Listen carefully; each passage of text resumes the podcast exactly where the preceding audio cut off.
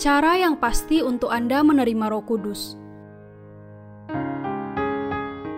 Pau Ce Jong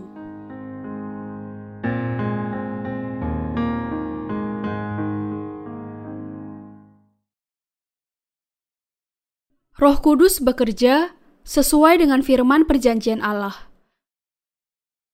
Kisah para Rasul pasal 1 ayat 4 sampai 8. Pada suatu hari, ketika ia makan bersama-sama dengan mereka, ia melarang mereka meninggalkan Yerusalem dan menyuruh mereka tinggal di situ menantikan janji Bapa yang demikian katanya. Telah kamu dengar daripadaku, sebab Yohanes membaptis dengan air, tetapi tidak lama lagi kamu akan dibaptis dengan Roh Kudus.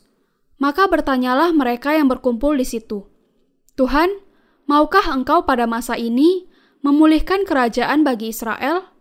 Jawabnya, engkau tidak perlu mengetahui masa dan waktu yang ditetapkan Bapa sendiri menurut kuasanya.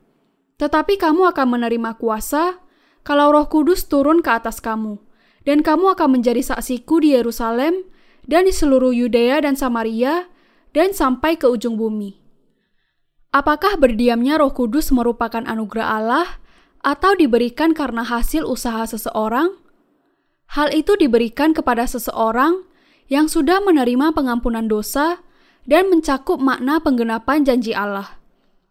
Suatu kali, saya mendapat pengalaman merasakan panas dari sesuatu yang seperti Roh Kudus yang saya dapatkan melalui doa. Tetapi rasa panas itu tidak bertahan lama dan kemudian padam karena banyaknya dosa yang ada. Sekarang, saya mau menunjukkan kepada Anda kebenaran mengenai Roh Kudus yang berdiam di dalam diri kita untuk selamanya, bukan melalui roh palsu yang dengan segera padam karena dosa, tetapi melalui Injil yang benar. Roh Kudus yang akan saya perkenalkan dalam khotbah ini bukanlah sesuatu yang bisa diperoleh melalui doa, tetapi hanya melalui iman di dalam Injil air dan Roh. Saya mau membimbing Anda untuk menerima berdiamnya Roh Kudus di dalam kehidupan Anda melalui buku ini. Anda akan menyadari bahwa Roh Kudus yang menginspirasikan khotbah yang saya sampaikan kepada Anda. Kehendak Allah yang mutlak bagi kita adalah agar kita menerima Roh Kudus berdiam di dalam kita saat ini juga. Anda bisa belajar mengenai berdiamnya Roh Kudus dan menerimanya melalui buku ini. Kalau buku ini belum cukup, saya menyarankan agar Anda membaca dua buku pertama saya yang sudah diterbitkan terlebih dahulu. Anda akan menerima iman yang sempurna di hadapan Allah melalui buku-buku ini. Banyak orang Kristen berusaha menerima Roh Kudus, seperti pada saat Roh Kudus turun ke atas murid-murid Yesus pada hari Pentakosta. Banyak orang yang mendapatkan banyak uang dengan mengajari orang lain tentang menerima Roh Kudus. Mereka berdusta bahwa Roh Kudus bisa diterima dengan usaha manusia. Mereka ingin mendapatkan penglihatan, melakukan mukjizat, mendengar suara Yesus sendiri, berkata-kata dalam bahasa roh, menyembuhkan orang sakit dan mengusir roh-roh jahat. Namun, mereka memiliki dosa di dalam hati dan dibawa pengaruh jahat. Efesus pasal 2 ayat 1 sampai 2. Sampai sekarang, masih banyak orang yang hidup tanpa mengetahui bahwa mereka berada di bawah pengaruh roh-roh jahat. Itulah sebabnya iblis memangsa dan menipu banyak orang dengan memakai segala macam cara seperti tanda-tanda ajaib dan mujizat yang sebenarnya hanya ilusi saja. Yesus melarang mereka meninggalkan Yerusalem dan menyuruh mereka tinggal di situ menantikan janji Bapa. Kisah para Rasul pasal 1 ayat 4. Menerima Roh Kudus seperti yang ditulis di atas bukanlah melalui pengalaman, perenungan, atau doa pertobatan, melainkan dengan menantikan janji Bapa yang akan memberikan Roh Kudus kepada mereka. Yang harus kita pelajari dari bagian ini adalah bahwa berdiamnya Roh Kudus tidak terjadi melalui doa seseorang yang dinaikkan sepenuh hati. Itu adalah anugerah Allah yang hanya bisa diperoleh melalui iman yang sempurna kepada Injil air dan Roh yang sangat indah itu yang diberikan oleh Allah Bapa dan Yesus Kristus kepada manusia. Berdiamnya Roh Kudus yang sejati terjadi melalui iman kepada Injil yang diberikan Yesus kepada kita. Allah memberikan kepada kita kebenaran mengenai air dan roh agar kita bisa menerima berdiamnya Roh Kudus. 1 Yohanes pasal 3 ayat 3 sampai 5. Frasa janji tentang Roh Kudus muncul beberapa kali dalam Perjanjian Baru. Petrus mengatakan hal itu dalam khotbahnya. Kisah para Rasul pasal 2 ayat 38 sampai 39 mengenai baptisan Roh Kudus di hari Pentakosta. Janji Allah adalah untuk memberikan Roh Kudus kepada mereka yang menerima pengampunan dosa sebagai hasil dari percaya mereka kepada Injil yang indah. Berdiamnya Roh Kudus adalah anugerah yang diberikan kepada mereka yang telah menerima pengampunan dosa dan mencakup makna penggenapan janji Allah. Roh Kudus di dalam Perjanjian Baru bukanlah sesuatu yang bisa diperoleh melalui kompromi antara Allah dengan manusia, tetapi merupakan anugerah yang sudah dijanjikan oleh Allah. Karena itu, Berdiamnya Roh Kudus, seperti yang dinyatakan dalam Kisah Para Rasul, bukan diperoleh melalui doa. Kisah Para Rasul pasal 8 ayat 19 sampai 20. Roh Kudus datang kepada mereka yang percaya kepada Injil air dan Roh yang diberikan Yesus kepada kita. Yesus berjanji kepada murid-muridnya akan mengirim Roh Kudus supaya mereka memiliki kepenuhan Roh Kudus. Sebab Yohanes membaptis dengan air, tetapi tidak lama lagi, kamu akan dibaptis dengan roh kudus. Kisah para Rasul pasal 1 ayat 5. Karena itulah, murid-murid Yesus menantikan penggenapan janji Allah. Dengan melihat kepada kepercayaan mereka yang ada di dalam Alkitab, yang menerima roh kudus berdiam di dalam mereka, kita menyadari bahwa hal itu bukan karena usaha kita, melainkan karena kehendak Allah. Berdiamnya Roh Kudus di dalam diri murid-murid Yesus yang terjadi dalam kisah para rasul tidak terjadi berdasarkan usaha manusia atau pencapaian tingkat rohani seseorang. Datangnya Roh Kudus di dalam diri murid-murid Yesus seperti tertulis di dalam kisah para rasul dengan segera menjadi kenyataan. Seperti yang dikatakan Yesus, tidak lama lagi. Inilah berkat pertama yang diterima oleh gereja mula-mula. Dengan melihat kepada Alkitab, kita bisa melihat bahwa janji Allah itu tidak digenapi melalui puasa, doa, atau pengorbanan diri, tetapi melalui iman kepada Yesus. Setelah kenaikan Yesus, orang-orang percaya menerima pengampunan dosa, dan pada saat yang sama, Roh Kudus berdiam di dalam kehidupan mereka. Tiba-tiba, Roh Kudus turun dari langit dan datang kepada murid-murid Yesus. Ketika tiba hari Pentakosta, semua orang percaya berkumpul di satu tempat. Kisah para Rasul pasal 2 ayat 1 Murid-murid Yesus berkumpul bersama-sama pada saat mereka menantikan penggenapan janji Allah yang akan mengutus roh kudus kepada mereka. Dan akhirnya, roh kudus benar-benar datang kepada mereka. Tiba-tiba, turunlah dari langit suatu bunyi seperti tiupan angin keras yang memenuhi seluruh rumah di mana mereka duduk.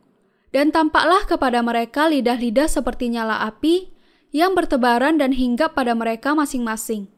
Kisah para Rasul pasal 2 ayat 2 sampai 4. Roh Kudus datang kepada mereka tiba-tiba dari langit. Kata tiba-tiba di sini berarti bahwa kejadian itu bukanlah atas kehendak manusia. Lebih lanjut lagi, kata dari langit menunjukkan dari mana datangnya Roh Kudus itu yaitu dari langit yang menunjuk kepada surga dan membantah pandangan yang mengatakan bahwa berdiamnya Roh Kudus bisa diperoleh melalui usaha dan kehendak manusia.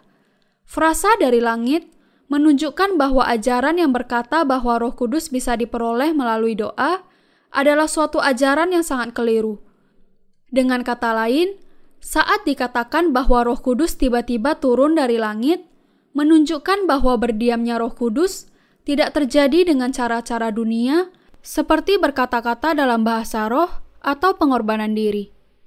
Murid-murid Yesus pada mulanya berkata-kata dalam bahasa roh dan mengabarkan kabar keselamatan yang indah kepada orang-orang dari segala bangsa.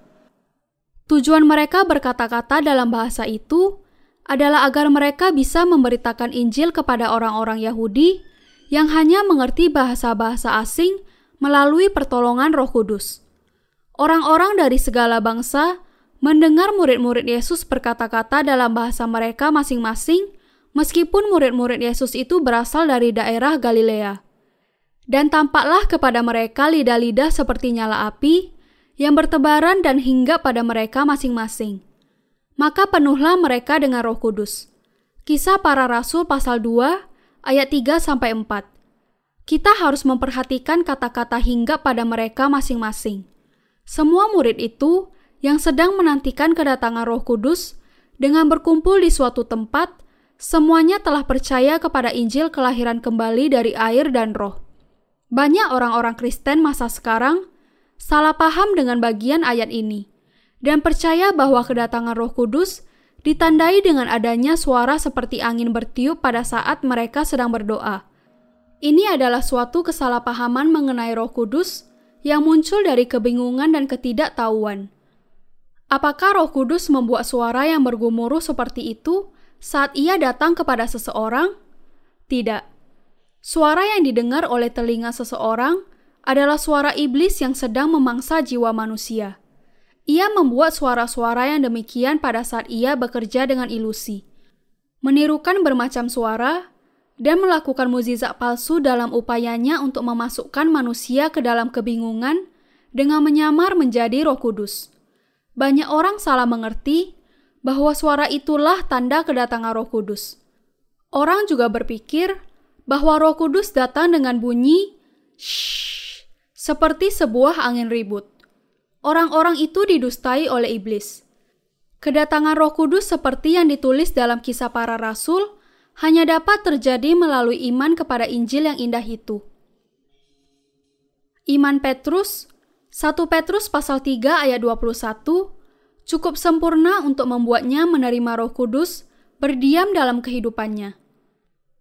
Dengan menonjolkan kejadian dalam Pentakosta yang pertama, dalam kisah para rasul pasal 2, Allah mau menekankan kebenaran bahwa Roh Kudus datang kepada mereka karena mereka telah percaya di dalam Injil air dan Roh.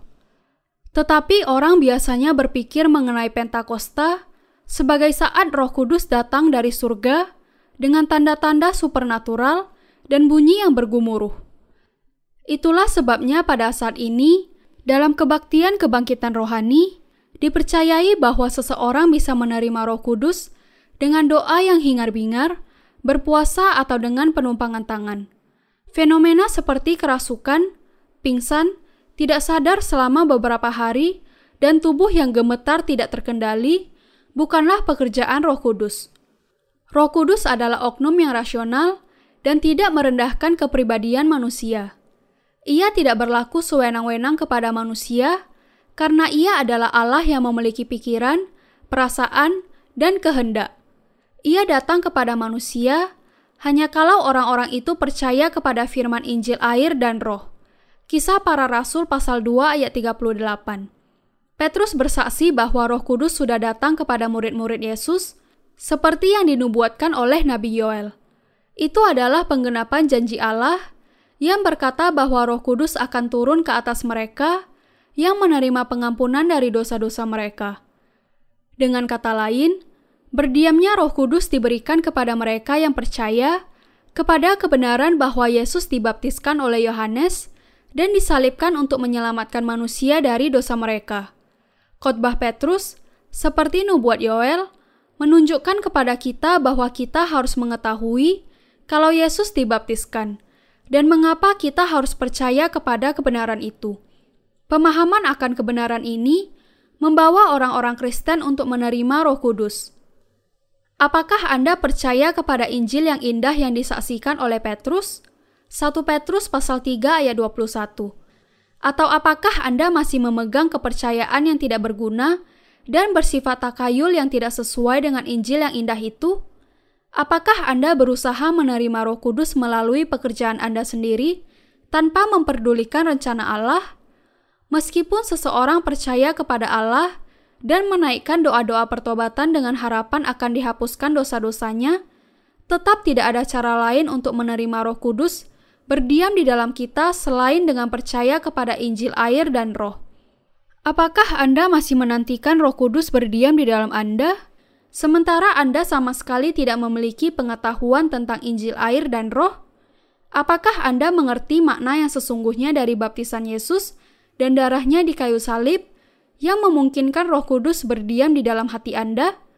Anda harus tahu bahwa berdiamnya Roh Kudus hanya dapat terjadi kalau Anda menerima Injil air dan Roh. Roh Kudus hanya bisa berdiam di dalam mereka yang percaya kepada Injil air dan Roh yang indah itu. Kita bersyukur kepada Allah yang memberikan Injil air dan Roh kepada kita, yang memungkinkan kita menerima Roh Kudus berdiam di dalam hati kita.